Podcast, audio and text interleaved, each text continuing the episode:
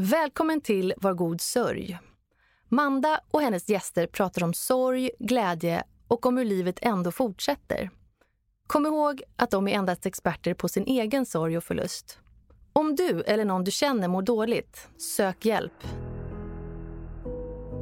Lea väntade sitt första barn och var halvvägs in i sin graviditet. Det var vecka 22 och dags för en rutinkontroll med ultraljud hos barnmorskan. Lea och maken Jonathan var fyllda av förväntningar. De skulle få veta om det var en pojke eller flicka. Det var en pojke, men man såg också att det var något som inte stämde med barnet. Flera undersökningar gjordes redan samma dag och beskedet de slutligen fick var att barnet hade ett allvarligt hjärtfel och det var 50 procents chans att han skulle överleva. Alternativen var att avsluta graviditeten eller behålla barnet. De bestämde sig för att fortsätta graviditeten. Klockan 08.15 den 21 juni 2018 föddes Alexis Valentin. Samma kväll somnade han in i sin mammas famn. Nu ska ni få lyssna på Lea som bär på en tung sorg och en stor saknad efter sin son. Välkommen Lea. Tack. Tack så mycket. Hur mår du idag? Idag eh, är det ändå helt okej. Okay. Um, livet känns... Um, det är ett nytt kapitel, absolut. Och jag känner mig ändå hoppfull inför framtiden. Och uh, det här livet liksom efter som har nu liksom börjat ta form. Mm. Men om vi går tillbaka ett tag i tiden och du var gravid, det var ert första barn. Hur var graviditeten fram till vecka 22? Då? Mm. Jag hade en sån där underbar graviditet, har jag insett nu i efterhand. Och eh, jag mådde jättebra. Jag hade liksom inga besvär och inget eh, illamående eller annat egentligen. Så det gick för, förvånansvärt eh, bra, bättre än vad jag trodde. Jag, var, jag minns att jag var väldigt eh, orolig för det var ju liksom första graviditeten, så jag visste ju ingenting egentligen. eh, jag hade bara en massa föreställningar om hur det skulle kännas och hur jag skulle må och hade hört så många historier tidigare. Så jag tror nog också att jag var mer... Jag var ändå orolig, fast mer orolig för min egen skull. Hur min kropp skulle reagera på en graviditet och framförallt under själva förlossningen. Så det var jag livrädd för däremot. Mm. När dagen kom då, som, vi, som jag inledningsvis berättade, eh, det är väl egentligen veckan mm. man gör rutinultraljudet, men ja. ni hade, hade det i vecka 22? Ja, eller egentligen är det eller 20 kanske? ännu tidigare, vecka 18-19. Ja, borde jag veta. Och eh, vi hade ju fått ett datum tidigare, men eh, min man var iväg på jobb, på insats. Han jobbade då inom försvaret, så det var ju ingenting vi kunde liksom styra så när han skulle vara borta. Eh, så då fick vi bara helt enkelt anpassa oss till det. Och självklart så ville jag att han skulle vara med.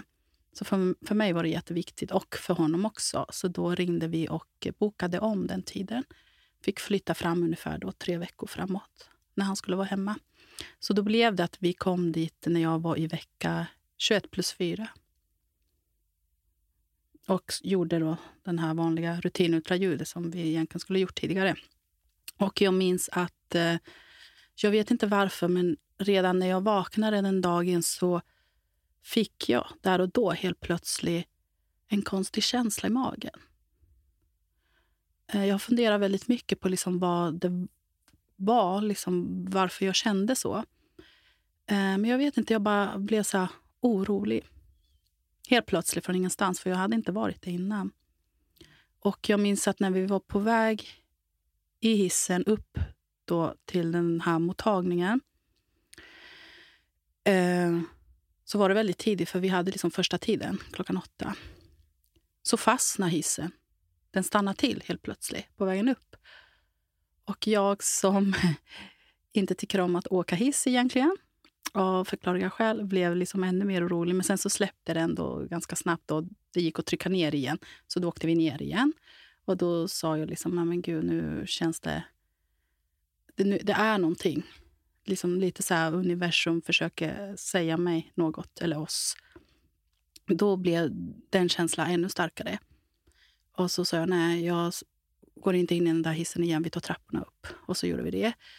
Och så kommer vi och som sagt, vi hade ju första tiden klockan åtta, men sen blev det en dag att vi fick vänta i ungefär en och en halv timme för att det var, det var någonting som hade hänt där de kunde inte ta emot oss i eh, utsatta tiden vi hade fått.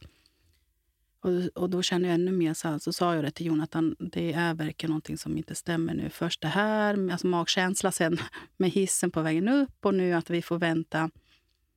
Alltså det kändes som att det var så här, ett tecken på någonting. Eh, så när vi väl kommer in, då hade vi suttit och väntat i en och en halv timme. Så börjar hon att undersöka magen och eh, gå igenom liksom delar för delar. Eh, ja, men i början låter det väldigt bra. Liksom. Det här ser bra ut och liksom benstommen och huvudomfång och eh, allt annat tills hon kommer till hjärtat. Och eh, hon, hon blir alldeles tyst i det som kändes som att det var en evighet. Men det var ändå liksom några minuter. Och hon stirrar på den här skärmen. Och jag minns att jag försöker liksom titta på henne för att se liksom ansiktsuttrycket eller liksom så försöka läsa av henne lite. Men jag fick direkt en känsla av att det är någonting som inte stämmer. För hon var ju så pratglad innan och berättade liksom exakt allting vad hon såg och sådär. Och helt plötsligt så bara blev hon tyst. Och efter ett tag så säger hon att eh, ja, hjärtat ser inte ut som... Eller nej, hon säger att jag ser det här är hjärtat men jag ser inte allt som jag skulle vilja se. Eh, det ser inte ut som det ska. Men jag är ingen liksom, expert inom det här området så jag vill gärna liksom, rådfråga med en kollega, säger hon. Så hon säger att hon vill gå ut och hämta en kollega. Så hon går ut och eh, det går några minuter, eh, kanske tio minuter. Något sånt där. Sen kommer hon tillbaka utan sin kollega. Eh, och medan jag ligger där i britsen så började jag gråta såklart. För att jag kände direkt, jag sa till Jonathan och bara, det är någonting som inte stämmer, annars skulle hon inte liksom sprungit ut sådär. Och sen just att hon kommer tillbaka utan sin kollega ändå. Men då säger hon att, men, nej, vi måste tyvärr skicka er direkt till eh, Karolinska, till eh, fostermedicin. Så att de kan kolla upp det här och att ni kan få hjälp direkt och de kan säga liksom vad det är för något. Liksom att ni får en diagnos på plats, men det är någonting med hjärtat som inte stämmer. Um, så ja, där och då så jag, jag visste inte riktigt egentligen hur, hur jag skulle känna och sådär. Um, det var ju vårt första barn och vi var ju liksom så glada och skulle äntligen få reda på könet. Och, ja, hon, hon sa ju för sig så här, ja, men jag ser, grattis, jag ser att det är en pojke, men ja, han har ett hjärtfel som ni måste kolla upp. Så samtidigt som att vi fick reda på att det var en pojke, vilket var ju alldeles underbart. Och självklart så hade det inte spelat någon roll om det var en liten flicka heller. Men ändå bara det liksom att få veta det.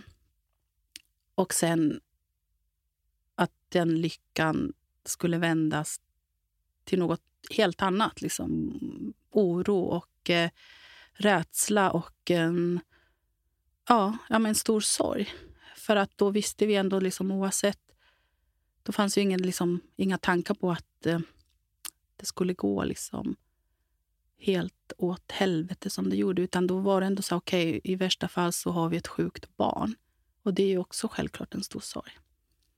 Men eh, där och då visste vi egentligen inte så mycket. Men vi fick gå hem och eh, fick en tid senare samma dag till eh, Karolinska. Till fostermedicin för att träffa en specialist.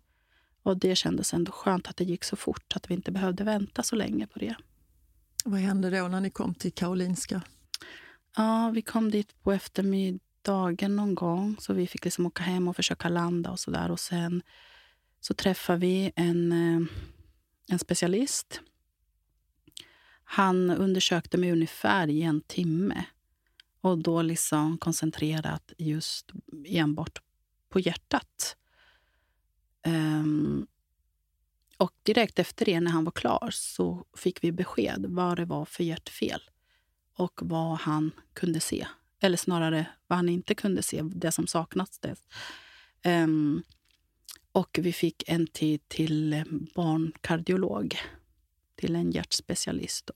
Vad var det för fel på hjärtat? Vänsterkammarhjärtsyndrom, HLHS som det förkortas. Och det innebär i princip att eh, han saknade halva hjärtat. Mm. Hur kändes det att få det beskedet? Ja, men första tanken var ju självklart, kan det ens bli så här? Alltså kan det bli så fel? Kan ett barn födas med ett sånt här allvarligt hjärtfel? Och varför händer det? Liksom, varför händer det oss? Så det var nu de två stora frågorna egentligen. Det var ju en chock. Dels att bara få det beskedet, få veta mer om diagnosen men också sen att inse att det faktiskt händer. Att ett barn kan födas sjuk. Så pass sjuk, liksom. Som, som vi ändå fick reda på. Alltså så allvarligt som den här sjukdomen, eller i, i missbildning som det egentligen är då. Missbildning av hjärtat.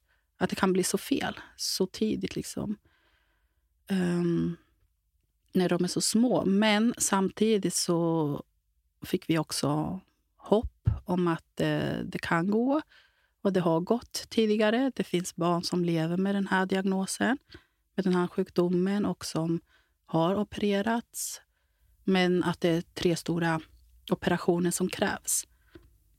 Som man genomför väldigt tidigt, eller första operationen. Direkt efter när barnet föds, kanske bara några dagar. Mm. Och eh, operation nummer två efter kanske fyra eller sex månader. Och sista då när barnet är ungefär mellan ett år och ett och ett halvt. Och eh, längre in, ju mer tiden gick, så fick vi också reda på hur processen skulle gå till, liksom hur planerna såg ut och så inför själva förlossningen.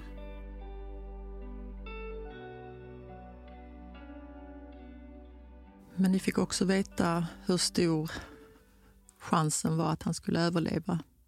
Ja, det fick vi. Och eh, det var, men i princip så var det ju 50-50.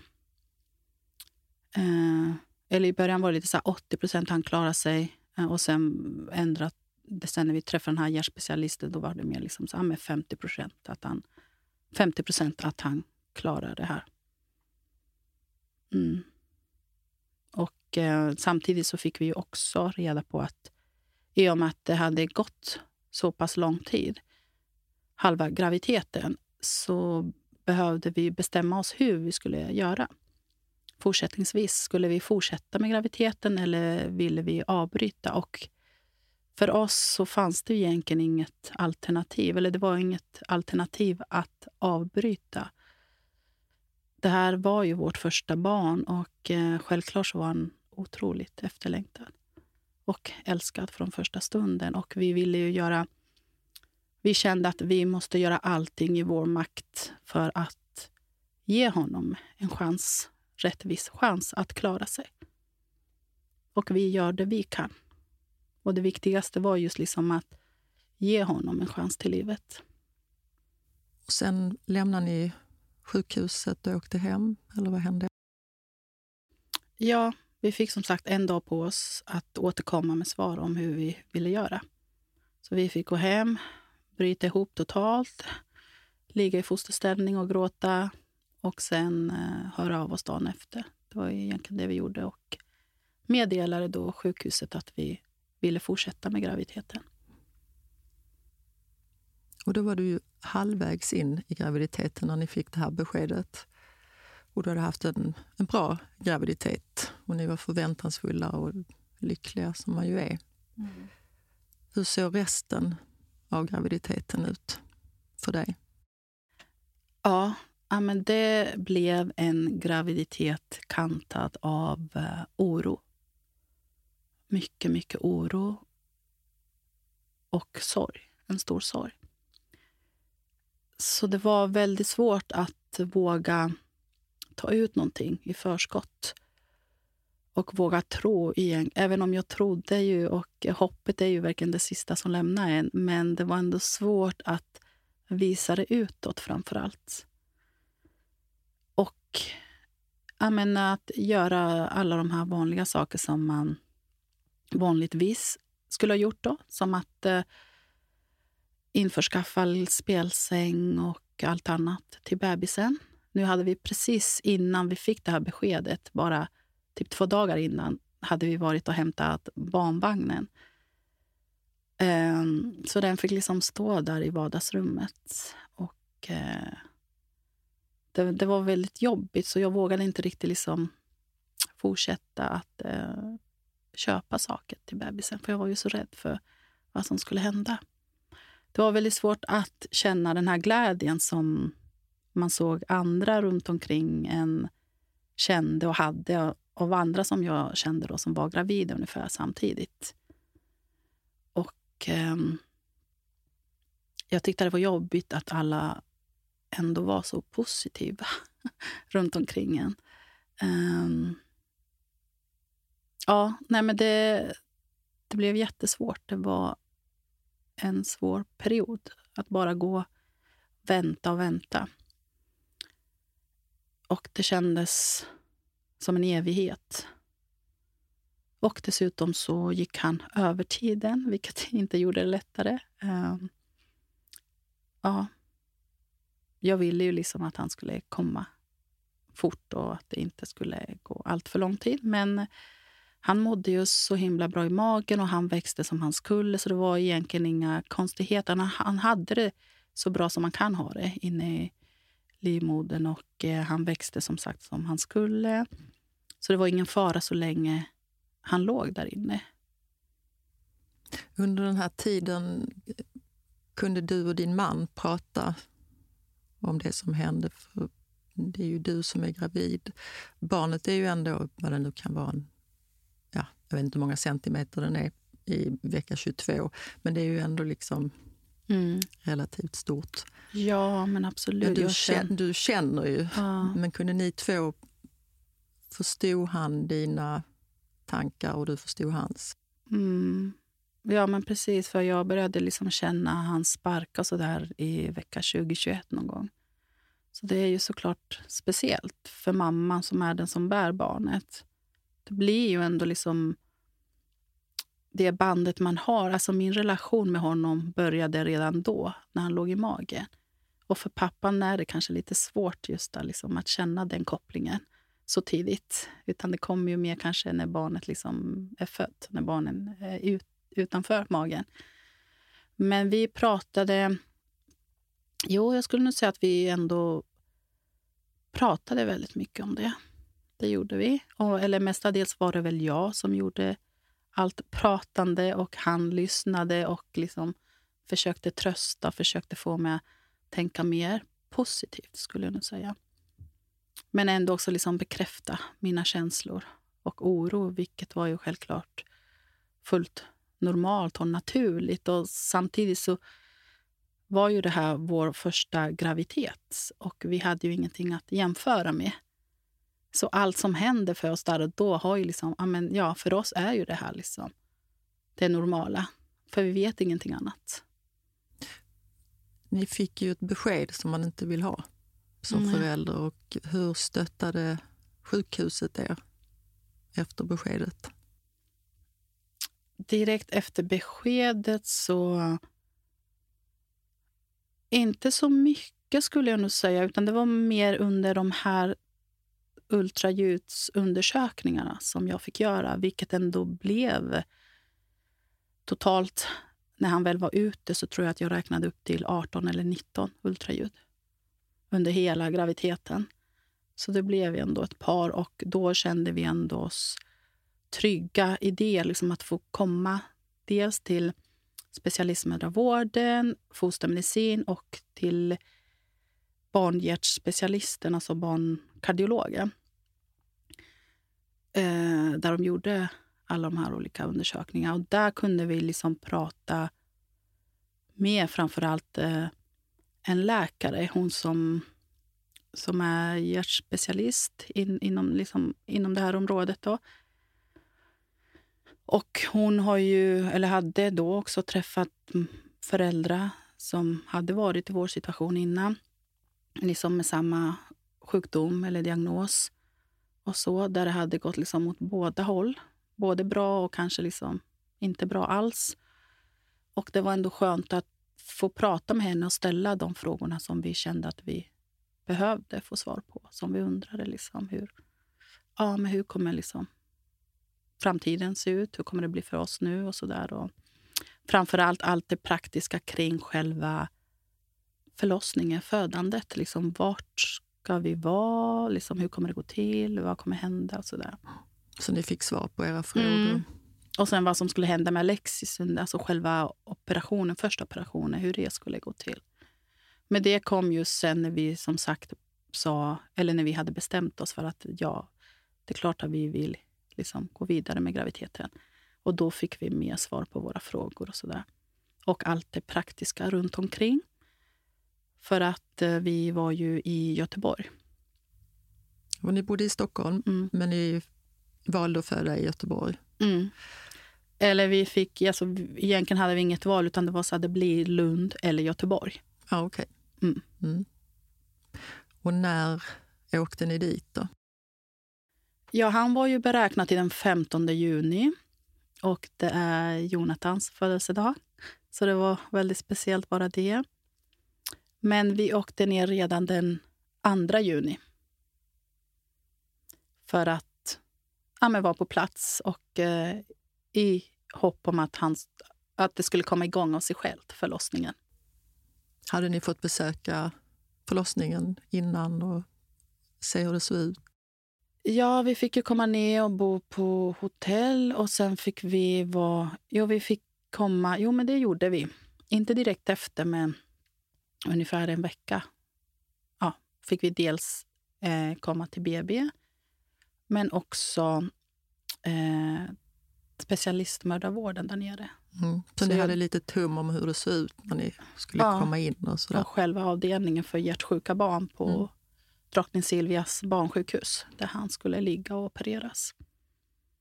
Och sen var ju allting liksom planerat runt omkring och vi skulle bo på Rolandhuset eh, vid sjukhuset där. Och eh, ja, så det kändes tryggt eh, att veta att det fanns en plan och så.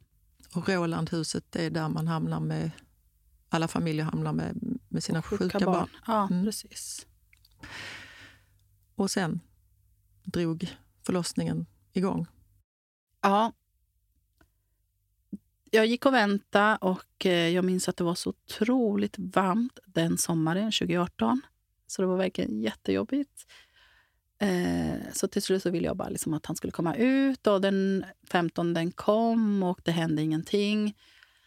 Så den eh, 20 fick jag äntligen ett samtal om att jag skulle bli igångsatt. Nej, den 19 var det. Och att vi skulle åka in dagen efter. Så den 20 fick vi åka in till förlossningen så att jag skulle bli igångsatt. Men eh, det drog ut lite på tiden ja, kroppen var väl inte riktigt redo. Så det dröjde ändå liksom till dagen efter, den 21, på, väldigt tidigt på morgonen där, innan verkarna kom igång. Vilket sätt blev du igångsatt på? Med tabletter. Mm. Mm. Kommer du ihåg det? Hur ni... Och ballong, med hjälp av ballong. Eller vad heter det? Det heter... Jag glömde precis vad det heter. En BARD heter det. B-A-R-D. Ja. Mm. Men, och jag vet ju det, att, att ligga där och vänta och vänta och vänta i ett litet rum. och Man läser ut alla tidningar. Och, Mm. Vad pratar ni om? Minns du det? Vi kollade på fotbolls-VM. Passade på. Det var ju det året, sommaren 2018. Vilket vi ändå tyckte liksom, ja, men det, var, det här blir mysigt. Liksom. Sitta här och kolla på fotbolls-VM och eh, äta lite godis. Så det var det vi drev tiden med. Och eh, ja, nej, men bara försökte liksom slappna av, men det var väldigt svårt. Det var det. Men sen, vad hände då? Gick vattnet? Nej, det gjorde ju aldrig det, utan de fick ju sticka hål i det till slut. Och eh, sen så drog det igång och ehm, ja, det, det blev inte alls som jag hade föreställt mig att det skulle bli. Eh, framförallt smärta. Det var ju mycket, mycket värre. Eh, nu fick jag ändå liksom smärtstillande och sådär. Men du måste ju också Men- varit uppkopplad hela tiden för att ha koll på... Mm. Efter... Ja, men det var jag. Och vi hade, dessutom så hade vi fyra hjärtspecialister på plats som liksom stod redo och väntade bara på att han skulle komma ut. Eh, men när väl verkarna kom igång så ja, det tog ändå några timmar. Och Sen så kom han ut och där gick det fort för att vi var inte beredda på hur det skulle gå till direkt efter. Det hade, det hade de missat. Att... eh, underrätta oss om hur exakt liksom själva förloppet direkt efter när han var ute. För att jag trodde att jag skulle få hålla honom direkt.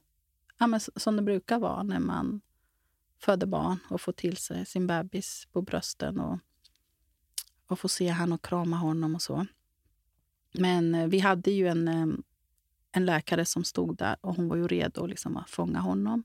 Och hon gjorde det. Och så sprang hon ut från rummet med Alexis skrikandes.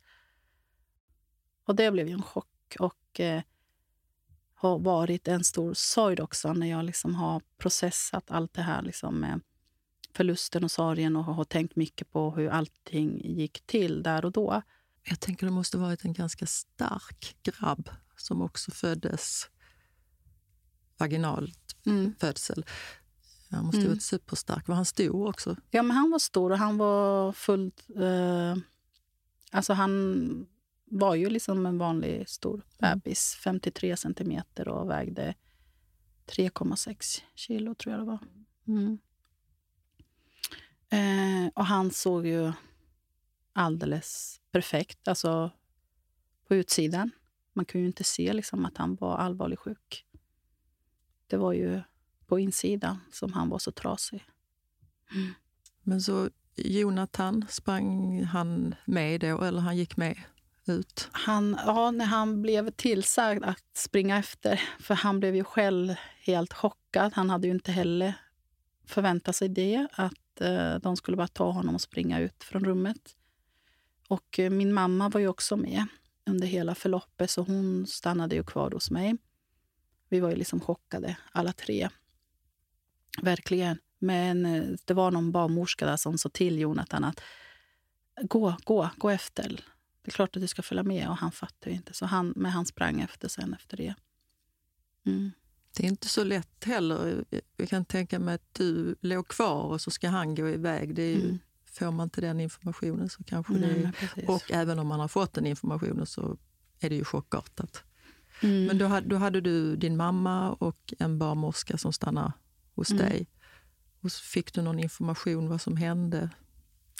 Nej, för att den här barnmorskan gick ut också från rummet. Så jag blev ju ensam kvar med mamma ett tag där inne. Som två stora frågetecken. Alltså, vi förstod ingenting. Um, och ungefär en halvtimme senare så kommer någon in. Jag misstänker att det var en barnmorska också. Och så säger hon till mig att läget är stabilt. Försök att sova nu. Kom hon in och sa. Vilket visade sig, det visade sig sen att det inte stämde alls. Det var fel information. Det var inte alls stabilt någonstans. För sen kom ju en läkare och hämtade mig och undrade egentligen men vad gör du här? Varför är du inte hos Alexis? Och eh, jag var ju dels så borta av alla smärtstillande och så. Så allting kändes som en dimma och jag hade så ont så jag kunde liksom inte resa på mig. Så de fick liksom dra mig i sängen och allting upp till eh, barnavdelningen. Och då när jag kom, då var det liksom första gången jag får träffa honom och då hade det ändå gått ungefär två timmar. Och då inser jag också att det inte alls var stabilt. Men det hade ju Jonathan förstått långt innan liksom jag fick den informationen. När du kom in i det här rummet, eller jag bara ser framför mig att det skulle vara något, kanske ett större rum, jag vet inte. Vad var det första du såg när du såg Alexis? Ja, det, men det var lite så här, gud, vart, vart är han? Var ligger han? För att det var så mycket folk runt omkring. Det, det var ett stort rum, men eh, det var bara han som låg. Och han låg ju liksom i en sån här liten sjukhussäng för små bebisar. Och han låg ju liksom uppkopplad mot alla möjliga liksom apparater och eh, mediciner som han fick. Så när jag kommer in då gör de som det ser ut, att de liksom försöker få, han, ja, få igång andningen som det ser ut. Och så lyckas de med det och sen så hamnar han i respirator ganska omgående. Så det jag ser liksom är bara att det jag menar, så alltså var minst tio personer där inne och runt omkring honom och alla höll på med lite olika och sådär. Ja, man visste ju inte vad de gjorde egentligen. Så första gången du ser din förstfödde son det med fullt med apparater på sig? Mm. Och de ställde min säng bredvid honom och jag kunde liksom sträcka mig och hålla... Ja, få tag i hans lilla hand och hålla om honom. Var det någon som berättade för dig vad som hade hänt ut i... För Jonathan måste ju också varit chockad. Ja. Det var ju så att eh, på de sista ultraljud som vi fick göra så hade det faktiskt framkommit att de, de misstänkte att det fanns andra komplikationer utöver den här diagnosen och det här stora hjärtfelet. Då kopplingar mellan hjärta och lungor som eh, inte riktigt liksom fanns där, eller de kunde inte se det. Men eh, de kunde inte riktigt liksom säga exakt vad det var, för att det var ju väldigt svårt att se det när de är så små, och lungbenen och sådär. Men de mis misstänkte då som sagt att det fanns andra komplikationer kring hjärtat och lungor.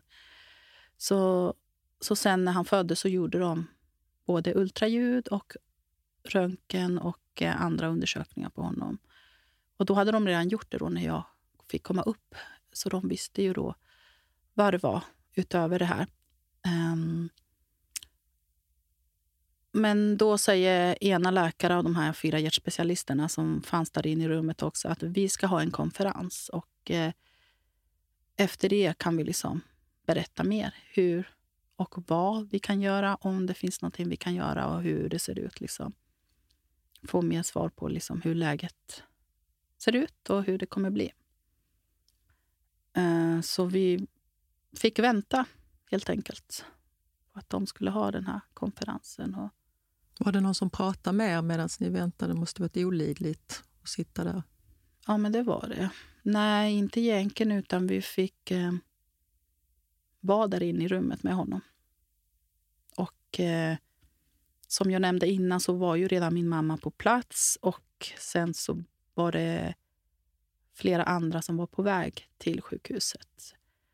Familj och släkt då, som vi hade ringt. Och eh, framförallt min pappa som bor i Norrköping. Så han hade också en bit att åka med. Han, honom hade vi ringt direkt när vi, liksom vi visste att nu är han på väg. Så ni får liksom köra ner nu och skynda er.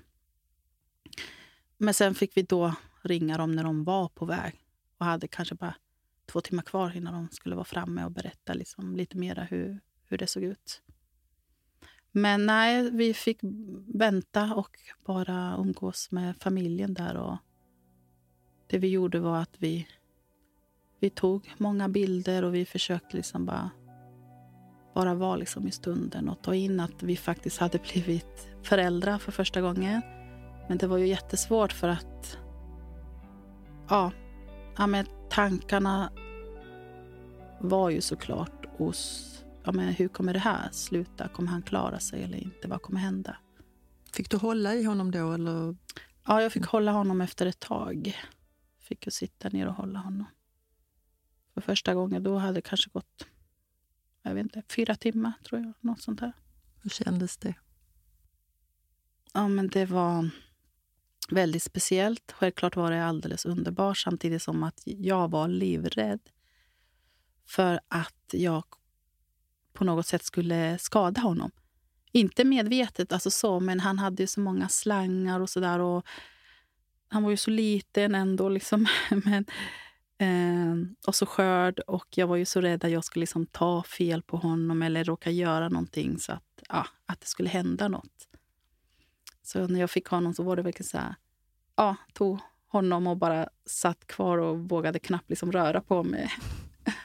ja. Försökte bara liksom ta in det. Att den här stunden vill jag liksom minnas och vara i för alltid. Mm. Hur lång tid tog det sen innan läkarna hade konfererat klart? Ja, men det tog ungefär fyra timmar eh, totalt. Någon, någonstans där runt tolv, halv ett fick vi ett besked. Då. Och vad var beskedet? Beskedet var att då säger ena läkaren att vi ska gå ut från rummet. Eh, och så står vi där i korridoren och eh, han tittar på mig och eh,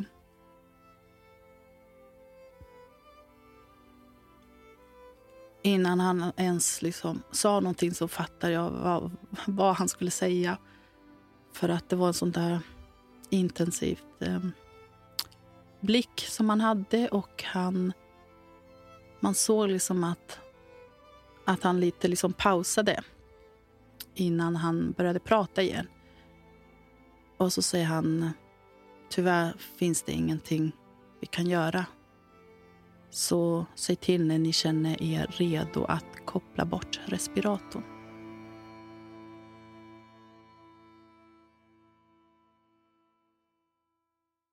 Och jag minns att jag kände... Först så blev det liksom lite så här, hörde jag rätt? Vad då? När, när jag känner mig redo. Um, det blev så himla fel. För ett, så i min värld så är det ju sånt ett sånt beslut fattar ju liksom en läkare. Trodde jag i alla fall. Jag trodde aldrig liksom att det skulle ligga på föräldrarna att fatta det beslutet när man ska stänga av respiratorn på sitt barn. Och två, så var det så här... Nej, men jag måste ha hört fel. liksom. Det kan inte stämma. Det måste finnas någonting de kan göra. Ja, men lite så här, gör ett försök åtminstone. Operera honom. Och sen kan ni ge upp, men inte ge upp innan. Alltså, vi hade kommit så långt hela vägen och verkligen haft hopp och eh, sett fram emot, självklart, första barnet. Det är inte så här det ska gå till. Det är inte så här det ska bli. Liksom. Att man får göra allting i helt fel ordning eh, och börja med att ta farväl av sitt barn. För sa han då att det fanns det inget... För från början hade de ju sagt att han skulle opereras. Mm. Men då hade de förstått att de, de kunde inte operera. Nej, precis. För att han inte skulle klara det. Mm. Och han förklarar ju det också sen och sa att mm, för jag minns att det var ju inte bara jag som reagerade så. Jag minns att min mamma eh, reagerade väldigt starkt också såklart. Det här var ju hennes första barnbarn dessutom. Så hon skrek och vädjade om att men ni måste operera honom, ni måste försöka. Och då säger han, om vi nu skulle göra det så fort liksom vi öppnar upp honom så kommer han dö på operationsbordet. De sa ju att det enda vi kommer åstadkomma och lyckas med det är att sarga hans lilla kropp. Och det vill vi inte göra om vi inte behöver det. Och vi behöver inte det för att vi liksom har svar på allting vi behöver. Och en operation kommer inte rädda hans liv. Så det var det svaret vi fick. Och sen så gick han bara läkare sin väg. Vad gjorde ni då? Det, det mesta är som en stor dimma faktiskt. Men jag minns att nej men vi gick in i rummet igen. Det gjorde vi, där han var. Och då hade ju min syster också kommit, bland annat. Um, jag blev chockad och eh, inombords så skrek jag och grät. Men jag minns att jag, jag kunde inte få ut ett enda ord precis där i början. Men eh, Så jag går in i rummet där han var och eh, bara närmar mig honom och håller hans hand. Och efter ett tag så kom gråten. Och jag hör då att eh, Jonathan skriker och bryter ihop. Och då, då började jag gråta när jag hörde hans reaktion. För då förstod jag att han som ändå hållit sig liksom lugnt hela vägen, hela graviditeten. Så när han... Ja, när han får det här utbrottet och bryter ihop så att han smäller till, drar in handen i betongväggen där. Då fattar jag att ja, han kommer dö. Vi kommer inte få lämna sjukhuset med honom. Mm. När allt det här hände, då, du hade ju din familj runt dig, men fanns det också någon sjuksköterska eller barnmorska eller undersköterska? Ja, men det fanns. Det var folk runt omkring.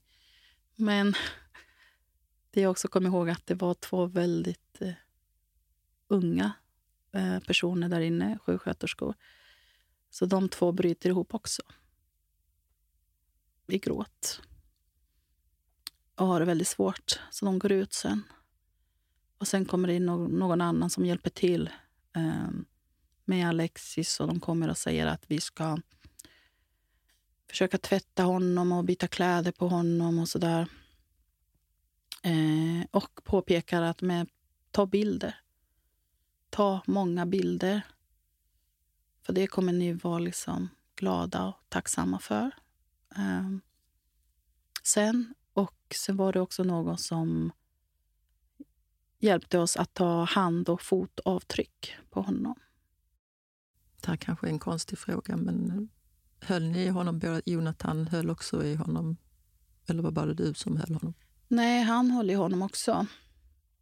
Eh, fick sitta ner och hålla honom ett tag. Och sen så minns jag att när, nu var det här sen lite senare, när de väl skulle liksom koppla bort respiratorn och börja liksom stänga ner maskinen och stänga ner medicinen och så.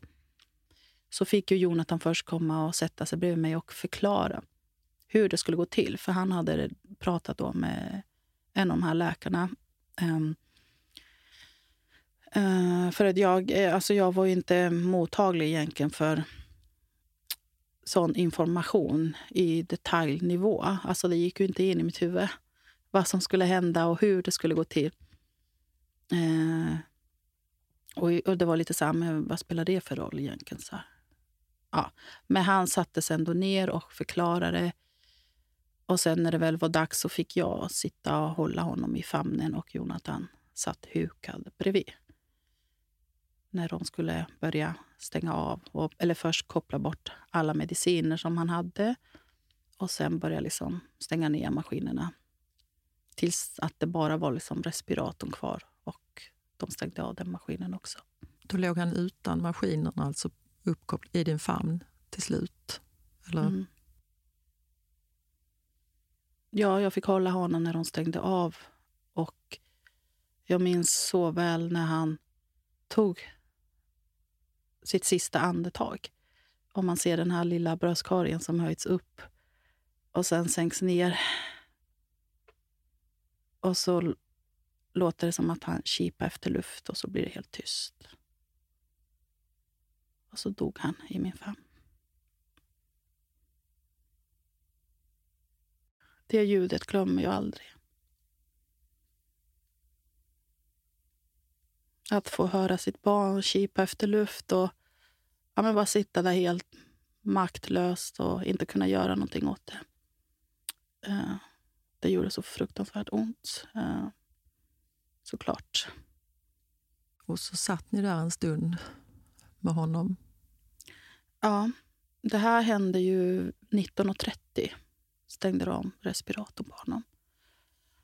Och vi blev kvar en stund, men inte alls så länge. Så när klockan var 22 så var vi redan på väg ut från sjukhuset. Utan honom. Och det är också en sån grej som jag eh, idag har kommit fram till att det gick alldeles för fort. Alltså allting hände ju på en och samma dag. Han föddes väldigt tidigt på morgonen till att liksom vi fick reda på att det här kommer inte gå, tills att de stängde respiratorn och sen så var vi därifrån redan vid 22-tiden. Att vi inte fick stanna kvar där med honom. Alltså att vi inte fick ett rum att gå tillbaka till och få ta med honom och få spendera ännu mer tid. För det hade jag önskat. Men det, den, vi fick ingen information om att det var möjligt att göra det. Tyvärr. Och vi fick inte heller någon information om bland annat då, eh, spädbarnsfonden eller vart vi kunde vända oss förutom liksom ett nummer till en kurator som då var i Göteborg och vi skulle ju hem till Stockholm. Så egentligen hade vi liksom behövt få någonting, alltså mer hänvisning till ja men både på plats och direkt men också sen när vi skulle komma hem. Ja, det fick vi senare men inte där och då. Inte på plats. Men just i alla fall det här att fått möjlighet att vara kvar på sjukhuset. Det hade jag önskat. Och jag vet att det är många sjukhus som gör så idag. Och jag vet också att det har blivit mycket bättre. Att det är många föräldrar som blir liksom erbjudna att få till och med kanske ta, ta hem sin bebis. Så att man inte behöver liksom känna att allting ska påskyndas och att man ska lämna ifrån sig sitt barn. För att det är ju såklart väldigt speciellt, och inte minst när det är första barnet, att just få känna liksom den här kopplingen och att ja, det är faktiskt mitt barn och jag har rätt till mitt barn. Har du fått någon förklaring på det efter? Har ni pratat med ansvarig barnmorska och ansvarig läkare Nej. efter och gått igenom journal? Och... Nej, det gjorde vi inte. Jag har gått igenom, jag har läst journalerna men jag har bara gått igenom dem själv. Så inte med eh, ansvarig läkare eller barnmorska. Så nej. Och det var ingen som ringde er sen efter någon, en tid som var med och kollade hur ni mådde? Nej, det enda var att jag fick komma tillbaka dagen efter på en sån här återbesök, kontroll av hur det såg ut liksom för mig i och med att jag hade fött eh, vaginalt. Så det var det enda egentligen. Och sen var det att vi fick komma och eh, ha ett sista farväl när han låg i bårhuset på sjukhuset i Göteborg. Då fick vi träffa honom en gång till under en timme fick vi på oss. Hade ni fått klä, klä honom och sådär innan? Mm, ja, men det mm. fick vi göra. Mm. Sen när de hade kopplat bort respiratorn och allt så, så fick vi både hjälpa till att tvätta honom och välja kläder och eh, ja, ja men få sitta med en liten stund där med honom. Jag tänkte då den dagen han föddes och respiratorn stängdes av och sen gick ni ut från sjukhuset. Minns du vad ni sa till varandra när ni stod utanför sjukhuset? Eller var det bara... Nej, vi sa ingenting. Vi, han, Jonathan fick ju hålla mig hela vägen. Dels för att jag hade så ont. Nyförlöst. Blödde jättemycket såklart. Så jag hade jätteont. Så vi tog bilen och åkte till, till hotellet där vi bodde. Till vår hund som väntade där också. Eller han hade varit med. Vi hade några som hade tagit hand om honom medan vi var på sjukhuset. Som kom och lämnade honom på sjukhuset, så han satt ju redan bak i bilen. Så vi åkte till hotellet och... Eh, ja. Jag la mig i sängen och bara kramade om Balder. Mm. Allt jag bara kunde och bara, bara Bal grät. Balder är hunden? Ja. ja. Så... Ja, nej, jag vet inte hur jag hade klarat det utan honom. Så vi blev ju hemskickade direkt efter och jag minns att eh, läkaren, när de sa hej då det enda vi fick var ju en liten burk med två sömntabletter som den här läkaren då säger till Jon att han vänder sig till honom och säger se till att hon får i sig de här innan hon går och lägger sig. Och det var allt.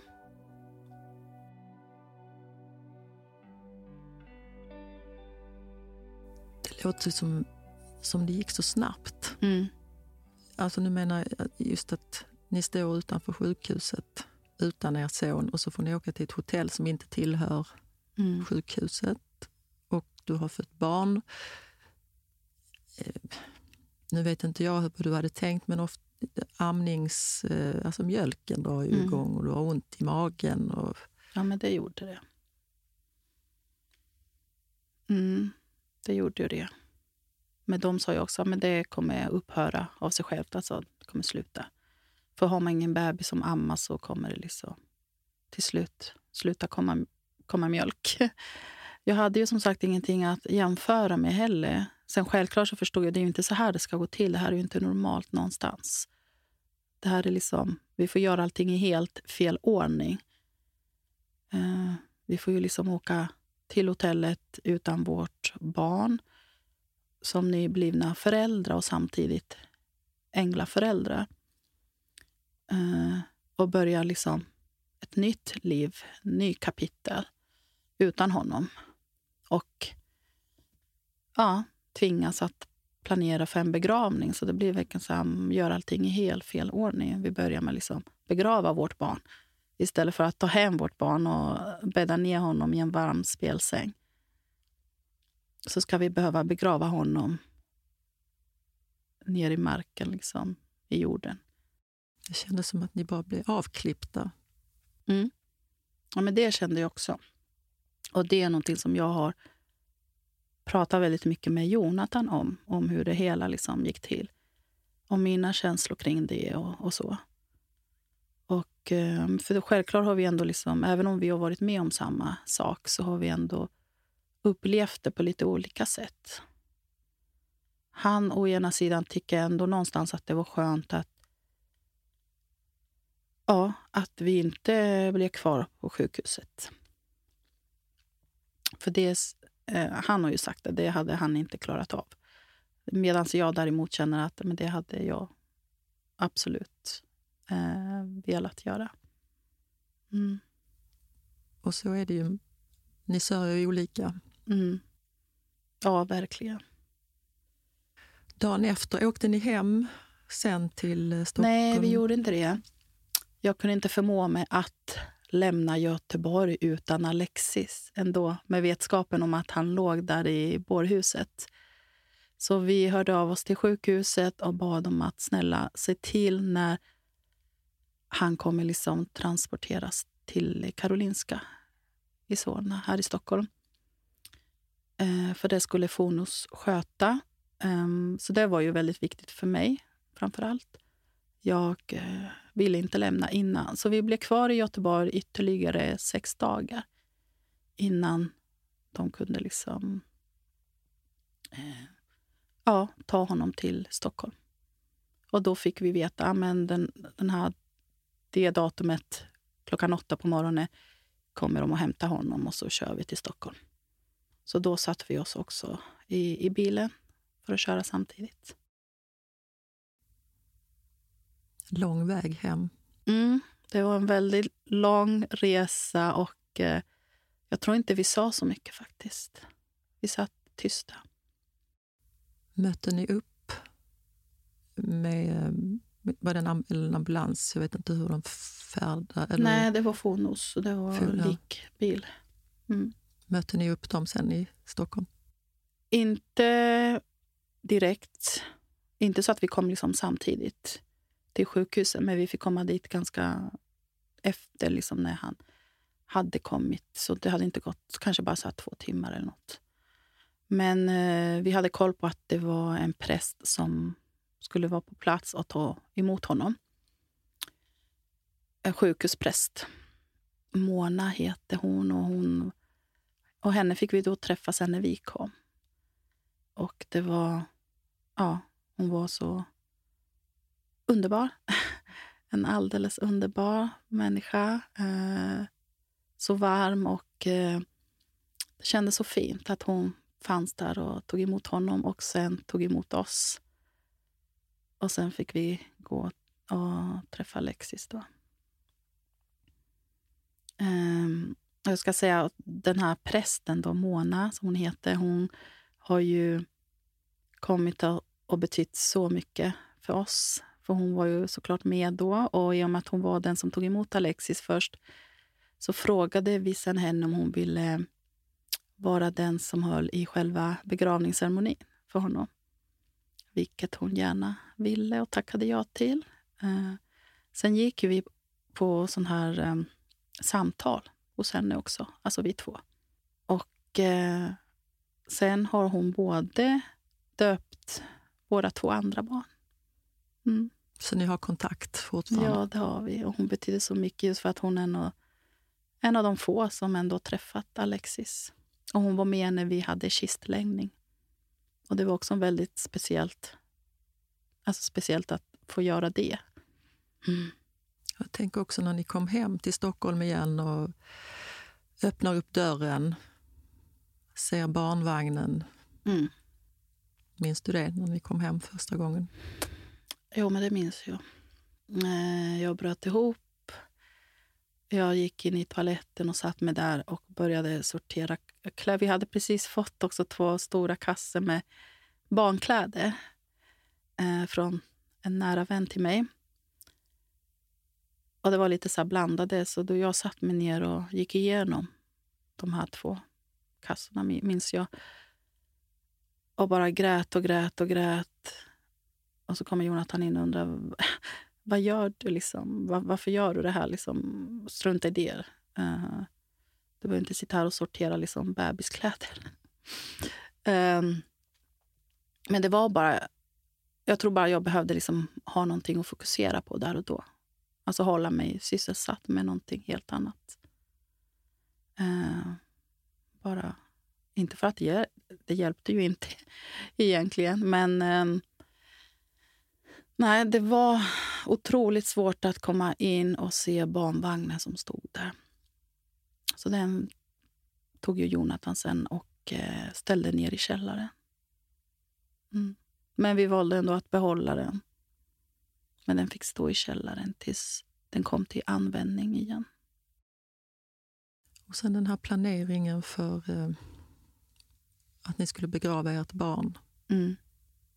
Och välja kista och blommor. Ja. Och det var nästa chock, för att det var så himla mycket i allt, så himla mycket i allt i den här processen att liksom planera en begravning. Och vi, vi hade verkligen ingen koll på hur man gjorde. Och det var så mycket som vi inte visste om. Eh, Jonathan hade ju aldrig någonsin innan varit på en begravning ens. Och nu skulle han liksom planera en begravning för sitt eget barn. Dessutom. Så det var så mycket som vi inte visste liksom, och hur det fungerade, hur det var. Och eh, ja, men Det var så ena chocken efter det, den andra. Um, ja, det är så absurt, för det är så, så många också frågor som man ställs inför liksom, och beslut som ska fattas. Och hela tiden så känner man när man sitter där och ska gå igenom liksom och prata med en begravningsentreprenör och man bara sitter där och tänker men jag, jag vill inte ens vara här. Jag vill inte liksom välja gravsten. Jag vill inte behöva liksom sitta här och välja gravplats. Vilken kyrkogård ska vi välja? Eller, och sen dessutom att få reda på men ni måste också välja en gravplats specifikt. En gravplats. Jaha, ska man göra det också? Du vet, ja. Ni fick liksom ingen chans att andas mellan vad ska man säga, alla chock? Nej, det, det, gick ändå väldigt fort. För som sagt, han dog ju där den 21 juni och han begravdes den 24 juli. Så det är en månad och den månaden gick väldigt fort samtidigt som tiden stod stilla. Alltså, ja. Men det var så mycket kring allt det här praktiska som blir. Uh, alla beslut som ska fattas. Ja. Hade du önskat att det fanns någon annan som tog de besluten? Både ja och nej. Där och då, ja, absolut. Men så här i efterhand så är jag ändå glad att vi valde att göra det själva för att det blir lite mer personligt ändå, som sagt. Och det var ju ändå... Det är ju vårt barn. Eh, och vem är mer rätt att göra, liksom att fatta de besluten än vi som föräldrar? Även om det är svårt såklart. Men idag är jag glad att vi gjorde det själva. Hur var begravningen? Ja, det blev en, eh, det blev en fin begravning. Det blev det verkligen. Otroligt smärtsamt, men ändå fint att se så många som ändå kom till begravningen. Och vi valde... Vi hade ceremonin så var det väldigt centralt här i Stockholm, Odenplan, så Gustav Vasa kyrka. Och det är en väldigt pampig kyrka, stor kyrka. Um, och det ville jag ha. Det var ju jag som valde kyrkan. Och sen så är han begravd vid i norra begravningsplatsen i Solna. Och det var väldigt svårt att gå runt där och behöva välja en gravplats. Och sen att få veta att um, vanligtvis så de platserna som finns, som man liksom får som förslag och så, så är det platser där det har legat och ligger kvar människor sen innan. Det, känns, det kändes konstigt att få den informationen där, där och då, på plats, när man gick runt. Och, och så gick det han som var, om han nu var vaktmästare, jag kommer inte ihåg, men han som visade runt och så. Och berättade, och berättade kring de olika gravplatserna som fanns liksom tillgängliga och så där. Och på vissa platser så låg det ju kvar gravsten med namn och allting på. Och det kändes ju väldigt fel. Ja. Eh, och så här, ännu en chock. Jaha, är det så här det går till? Liksom? Så nej, vi valde en plats där det inte fanns någon gravsten och där vi visste att det inte hade legat någon på väldigt, väldigt länge. När begravningen då var klar, eller klar, det låter som... Ja.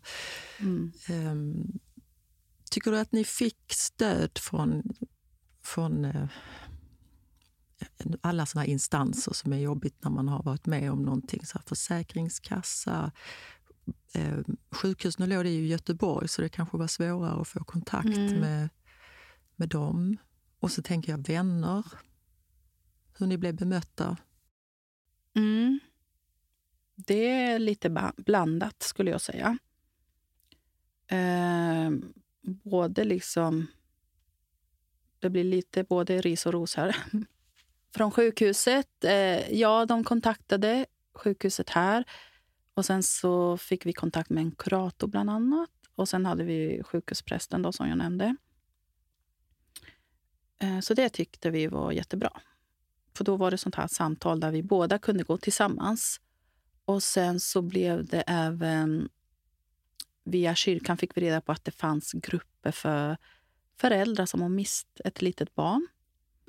Då kunde man sitta liksom med andra föräldrar och eh, det gjorde vi. Så vi valde att gå på en sån här gruppträff med andra föräldrar som hade ganska nyligen mist då, ett barn också. Och det kände jag att det, det gav oss väldigt mycket. Och det kändes bra liksom att, att också kunna träffa andra som hade gått igenom liknande. För det behöver man.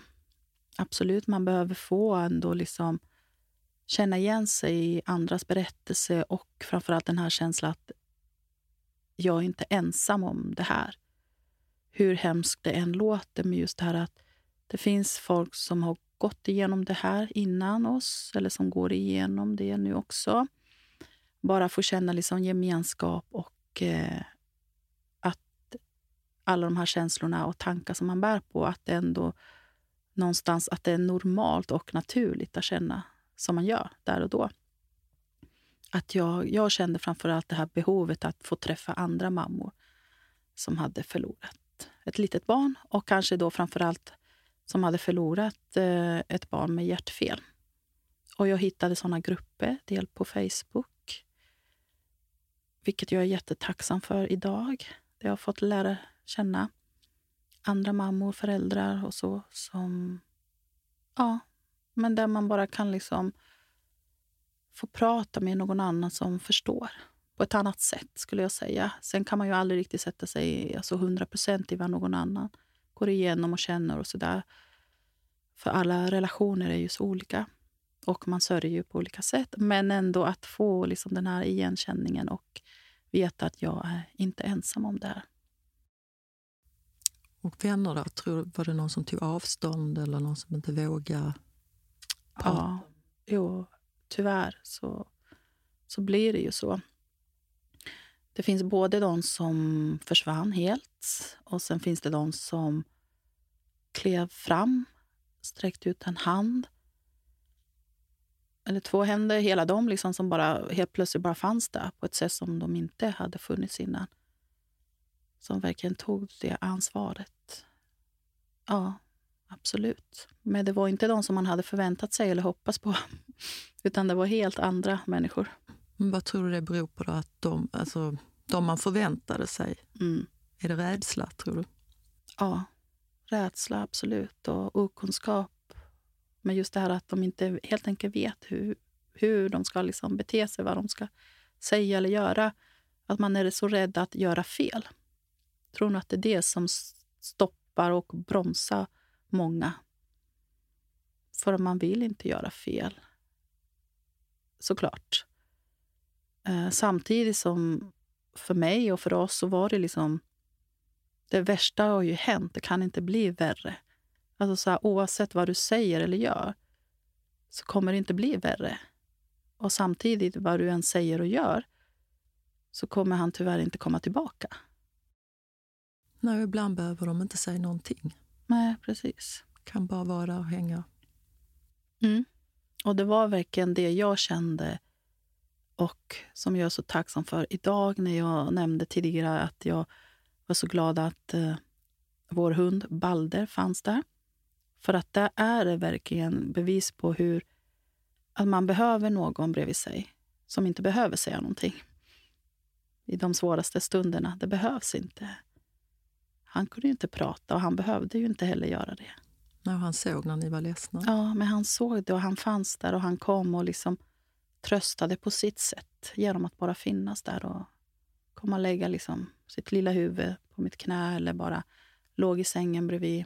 Ja. Du och din man, nu det har vi ju pratat om att man sörjer helt olika.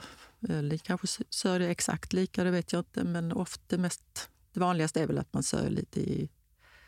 En kanske lite mer ledsen. Hur blev ni som par tillsammans efter den här händelsen? Ja, ja men det är verkligen att det finns ju två lägen. Antingen så blir man stärkt av en sån situation eller så orkar man inte hålla ihop för att det blir för mycket. Både med sin egen sorg och sen så ska man såklart orka ta hand om varandra. Men jag måste säga att um, det här har absolut gjort att vi har blivit starkare tillsammans. Sen med det sagt så hade jag såklart önskat att det aldrig hade hänt. Att vi hade varit starkare utan att behöva gå igenom det här. Men det har absolut stärkt oss i vårt förhållande. Och veta alltså så här, vad vi har varandra, att vi finns där för varandra så som vi behöver. Både liksom genom att ge utrymme för att vara liksom i sina egna känslor och bearbeta det på sitt eget sätt. Men ändå liksom kunna finnas där när den andra behöver det.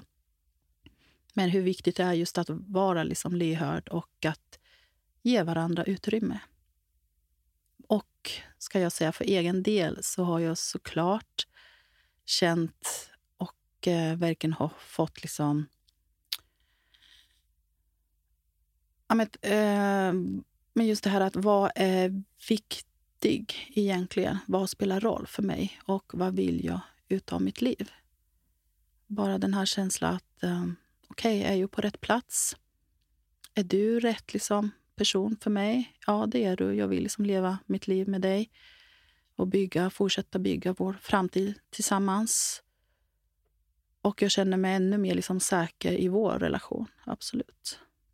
Och bevisligen, höll jag på att säga. Det var inte, dröjde inte så jättelänge innan du blev gravid igen. Mm, ja men precis. Um, vår dotter, alltså barn två, då, kom mm. i november 2019. Vår lilla regnbåge, som man brukar kalla barn då, som föds efter en svår förlust. Regnbåge. Vad fint. Mm. Aha. Och det, det, är lite så att eh, det här ni, barnet då kommer med, med färgerna in i livet igen. Var det så? Det var det verkligen. Tycker du att du hann sådär liksom bearbeta sorgen? Hur, hur kände du liksom när du blev gravid igen? Eller var det bara det här nu, liksom det här glädjen? Det var absolut inte bara glädje, det var inte det. Men det jag kände ganska omgående när vi förlorade Alexis, det var ju ändå att jag var så redo för det här uppdraget, eller uppgiften, liksom, att vara mamma. Jag var så redo. Jag hade liksom sett fram emot så länge. Jag hade längtat. Vi hade ändå försökt. Det, här, det hade ändå gått. Vi hade ändå varit tillsammans i fyra år, tror jag ungefär. Ja. Um, och innan dess, i tidigare förhållande, så hade jag inte lyckats bli gravid. Och det grundar sig i att jag har en hormonsjukdom. Så jag var ju så glad och lycklig ju, såklart när vi fick reda på att jag var gravid med Alexis. Så sen när vi lyckades då för andra gången med Eileen så det var ju lycka, men eh, hela graviditeten präglades tyvärr, måste jag säga, ändå av oro. Mycket oro. Så jag kunde inte heller vara i de känslorna fullt ut. Att känna lycka, våga ta ut lyckan i förskott, ska jag säga. Men vi fick väldigt eh, fin, alltså bra stöd av vården och sjukhuset. Fick vi. Och eh, de hade liksom koll på mig under hela graviditeten. Vi fick komma till samma eh, barn, eh, kardiolog och eh, specialist på fostermedicin. Och det kändes tryggt. För detta var inte något genetiskt? Nej, det fick vi också svar på sen att det var inte det. Så chansen, eller risken att det skulle hända igen var ju kanske liksom en procent. Så då föddes hon och sen kom Theo? Mm. Theo kom i juli 2021. Mm. Mm. Så ungefär ett och ett halvt år efter ja. Eileen. Är han busig? Är hon busig? ja, hon, hon har varit ganska lugn faktiskt. Med, med Tio är lite mer busig. mm. Så man märker liksom hur olika de är som personer. Så om jag nu har räknat ut rätt så skulle väl Alexis vara i skolålder? Mm, han skulle ha varit fem och ett halvt år nu. Hur tänker du runt det? Kan Tittar du på andra barn i den åldern? Hur? Ja, men det gör jag. Och det gjorde jag framförallt mycket i början. Alltså så när det var ja, ett år, två år, tre år. Och sen så blev det så mycket mer påtagligt då när Eileen kom och sen när Tio kom. Nej, men alltså alla de här milstolparna som man har faktiskt gått miste om med sitt barn, första barn. Det blir så mycket mer påtagligt. Eh, allt det här, men allt från att oj, nu skulle, så här skulle Alexis ha varit då. Och så jämför man liksom, till exempel då när Eileen började förskolan första gången. Eller när bara, alltså så här, ja, nu är hon en månad, två månader, sex månader. Oj, nu börjar hon krypa eller oj, nu börjar hon gå. Tänk Alexis skulle också liksom gjort det här. Det blir ju väldigt mycket så, absolut. Så man säger ju liksom ofta att man sörjer ju och många pratar om det här första sörjeår. Men jag måste nu säga att jag tycker liksom år två, tre var ännu värre. För att det blir ju inte liksom bara det som är bakom de åren som har gått som har varit liksom en stor förlust. Utan det är liksom hela livet, hela ens framtid som man går miste om tillsammans. Jag har ju liksom förlorat min framtid med honom.